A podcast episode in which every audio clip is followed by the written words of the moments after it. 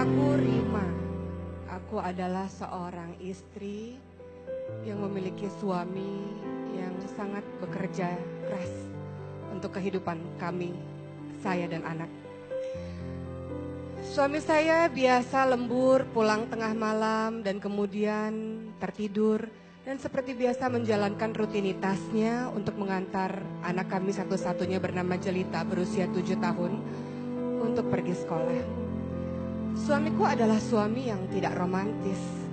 Setiap hari memang dia menciumku ketika dia pergi kerja atau pulang dari kerja. Tapi aku tidak memperdulikan begitu sangat karena aku pikir memang dia adalah tipe yang tidak romantis. Suamiku dan aku jarang berbicara satu sama lain. Ketika kami berada di meja makan, sering kali dia sibuk dengan handphonenya, pun aku sibuk dengan handphoneku. Tapi rumah tangga kami baik-baik saja. Aku bisa bermanja-manja dengannya dan dia memenuhi semua permintaan-permintaanku. Sampai suatu ketika, suamiku yang bernama Mario ini sakit. Pencernaannya sakit sehingga ia harus dirawat di sebuah rumah sakit di ruang ICU. Ketika aku merawat dan menemaninya sehari-hari, salah seorang wanita datang untuk menjenguknya Wanita yang belakangan aku tahu bernama Meisha ini adalah temannya dulu ketika masih kuliah, teman suamiku. Namun ada yang berbeda dari Meisha. Wajahnya biasa saja, rupanya biasa saja, tapi matanya memancarkan kehangatan. Dan setiap kali Meisha berbicara, senantiasa mulut yang keluar, kalimat yang keluar dari mulutnya adalah kalimat-kalimat yang mungkin saja setiap orang yang mendengarkan akan jatuh cinta pada Meisha. Dan aku merasa ada yang berbeda dari mata suamiku ketika memandang Mesya. Pendar mata yang tidak pernah aku lihat sebelumnya. Bahkan suamiku tidak pernah melihatku dengan pandangan seperti itu. Aku baru tahu Mesya bertemu dengan suamiku lima bulan yang lalu dalam sebuah pekerjaan. Dan aku ingat-ingat lima bulan yang lalu suamiku juga sangat baik memberikan perhatian yang luar biasa terhadapku dan tak jarang memberikan banyak sekali barang-barang baru untukku. Beberapa saat kemudian, hari terus berjalan dan Meisha kembali lagi untuk menjenguk suamiku. Saat itu aku sedang menyuapi suamiku dan aku merasa sangat kesal karena suamiku tidak juga mau makan. Tubuhnya semakin lama semakin mengurus dan Meisha memberi isyarat padaku untuk memberikan piring tersebut ke tangannya. Dan aku pun menyerahkan begitu saja pada Mesya. Mesya mulai menyuapi suamiku. Dan makanan itu habis. Suamiku memakan setiap suapan dari tangan Mesya. Hatiku sakit sekali melihat pemandangan itu. Kenapa dengan tanganku sendiri suamiku tidak mau untuk menghabiskan makanannya, tapi di tangan Mesya dia mau menghabiskannya. Kemudian aku merasa bahwa rasa sakit ini lebih sakit daripada aku memeluk tubuh suamiku dan suamiku membelakangiku. Aku berharap suamiku mau menciumku, tapi dia tidak juga mengkunjungku. Ini jauh lebih sakit rasa itu. Dan hati ini lebih sakit rasanya dibanding ketika aku melahirkan anak Mario, anak suamiku itu dengan operasi sesar. Rasa sakit ini lebih sakit rasanya dibanding aku dicueki olehnya ketika dia sibuk dengan laptopnya atau dengan handphonenya. Aku sakit sekali melihat pemandangan di depan mataku suamiku disuapi oleh gadis lain. Kemudian, aku tak punya alasan untuk membenci Mesya. Mesya adalah gadis yang sangat baik, wanita yang sangat baik. Dia sering membawakan makanan untuk aku dan anak-anak di rumah sakit. Suatu ketika Mesya pun pernah menjenguk suamiku dan ia datang dengan suaminya dan anak-anaknya. Maka apa alasan aku untuk membenci wanita yang sangat baik tersebut? Di suatu sore, ketika hujan rintik-rintik. Aku pulang sebentar dan aku bertemu dengan anakku Jelita di rumah. Dan anakku mengatakan, Mama, aku baru saja menemukan passwordnya ayah. Dan Mama lihat, ayah lagi kirim-kiriman email dengan Tante Mesya. Mama mau baca, kata Jelita. Maka aku pun membaca email yang dikirimkan oleh Mario suamiku terhadap Mesya. Dan apa isi dari email tersebut? Suamiku mengatakan, Mesya, kau tahu sudah lama aku memendam rasa cinta terhadapmu. Terima kasih Mesya yang telah hadir dalam kehidupanku dan kau satu-satunya yang ada dalam hatiku. Aku tidak tahu apakah aku mencintai istriku atau tidak. Kalaupun aku mencintainya, itu karena aku adalah suaminya dan dia adalah istriku.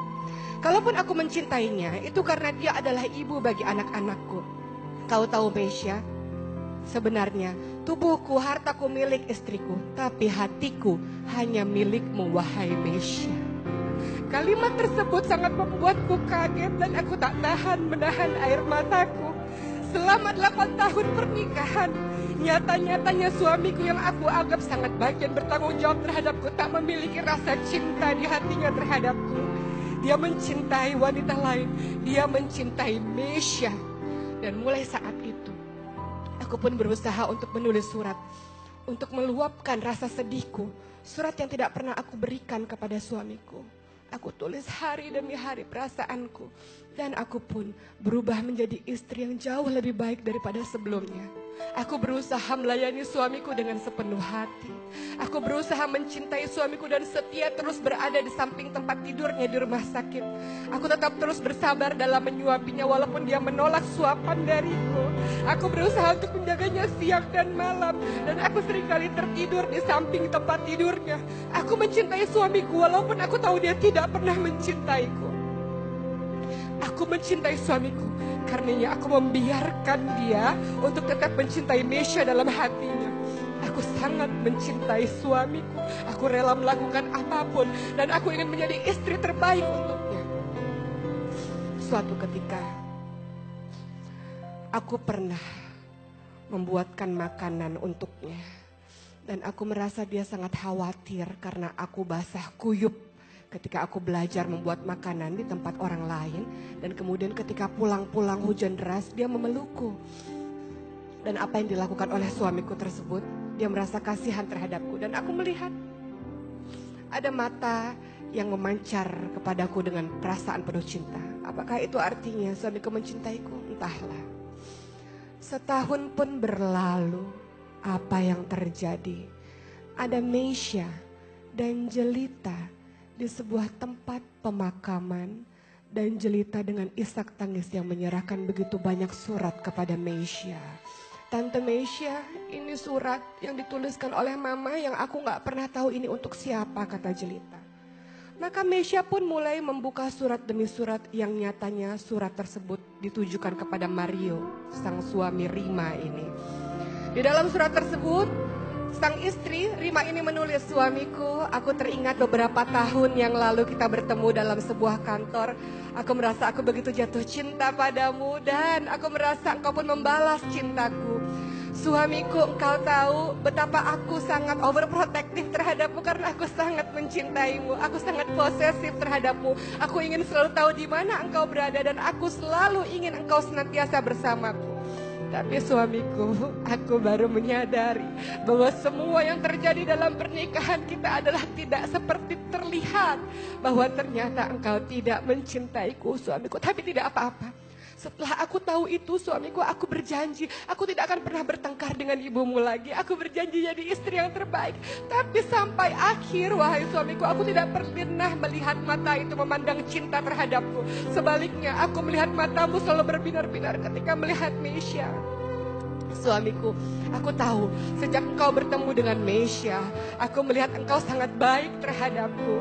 Engkau memberikan semua yang aku suka. Aku tahu suamiku walaupun engkau tidak mencintaiku, engkau berusaha untuk bersikap baik padaku. Karena engkau adalah laki-laki yang mengagungkan pernikahan. Engkau laki-laki yang memegang teguh dalam komitmen pernikahan. Walau hatimu tidak bersamaku. Maka suamiku, pada hari ini ini adalah hari pernikahan kita. Aku tidak ingin terjadi seperti satu tahun yang lalu ketika engkau pulang dengan larut malam.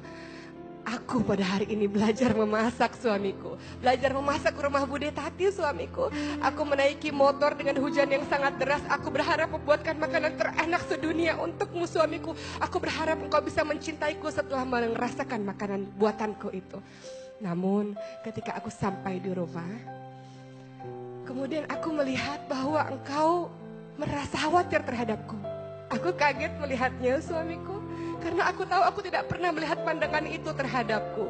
Dan apa yang terjadi engkau memelukku dan engkau merasa sangat khawatir terhadapku. Aku melihat ada pendar-pendar cinta di matamu. Benarkah itu wahai suamiku? Ketika Mesya menutup surat tersebut maka berlinanganlah air matanya. Jelita. Sang anak ini mengatakan, Tante Mesya engkau tahu Mamahku pada saat itu sedang mengendarai motor dan menjemputkan aku ke sekolah. Lalu mama memarkir motornya di samping jalan. Mama dengan wajah bahagia dan sumringah berjalan menyeberang untuk menjemputku.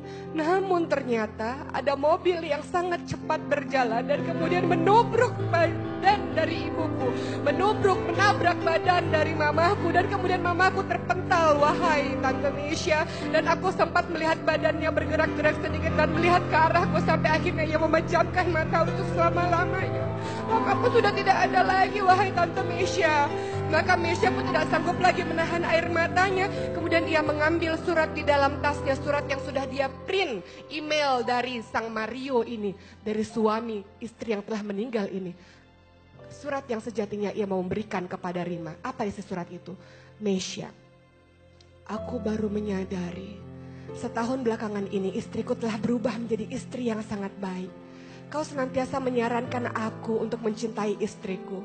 Maka ketika itu dia pulang dengan keadaan basah kuyup dan aku sangat khawatir terhadapnya. Wahai Mesya, engkau tahu, aku berniat untuk membelikan mobil untuknya agar dia tidak kehujanan lagi. Bukan karena dia adalah ibu bagi anak-anakku, tapi karena aku baru merasa dia adalah belahan jiwaku, ya Mesya. Aku sudah jatuh cinta pada istriku. Terima kasih Mesya, aku bisa melupakanmu. Aku mencintai istriku. Surat itu di tangan Mesya, tangan Mesya bergetar. Ia ingin menyerahkannya kepada Rima, tapi Rima sudah tidak bisa lagi untuk membaca surat tersebut. Dan Mesya pun mengarahkan pandangannya kepada laki-laki yang bernama Mario yang memeluk sangat erat nisan dari seorang istri yang telah diabaikannya selama ini. Maka Mario memeluk nisan itu dengan sangat kuat dan ia menangis sejadi-jadinya. Tanpa berucap sepatah kata pun. Lihat, akulah suami kata Mario. Orang yang memang telah berselingkuh pikiran dan hati. Memikirkan wanita lain bukan memikirkan istriku sendiri. Maka Mario pun terus menangis dan Mesha mengatakan, lihat, inilah kisah Bagaimana baru merasakan cinta yang sangat dahsyat ketika orang itu telah tiada. Kisah ini mendatangkan pembelajaran berharga untuk kita. Mungkin kita tidak berselingkuh secara fisik, tapi pikiran dan hati kita memikirkan pria lain. Pikiran dan hati kita memikirkan wanita lain. Rumah tangga yang sejatinya di dalam Al-Quran dikatakan sebagai mistakon walizo, sebagai seorang perjanjian, sebagai sebuah perjanjian yang kokoh, kemudian kita nodai dengan apa? Dengan kita memikirkan orang lain. Ingat, Pernikahan adalah perjanjian, adalah amanah. Bagaimana kita sejatinya berusaha mencintai pasangan kita karena dia yang terbaik. Karena dia jodoh yang terbaik yang diberikan oleh Allah Subhanahu wa taala. Maka hindarkan diri kita dari memikirkan orang lain, memikirkan orang yang haram untuk kita dan senantiasa luruskan pikiran kita, hati kita untuk mencintai suami, untuk mencintai istri yang dihalalkan Allah untuk kita. Insya Allah mudah-mudahan kita menjadi pasangan yang saling menjaga kesetiaan satu sama lain. Maka kehidupan rumah tangga sakinah, mawaddah, warohmah insya Allah. Mudah-mudahan menjadi pembelajaran.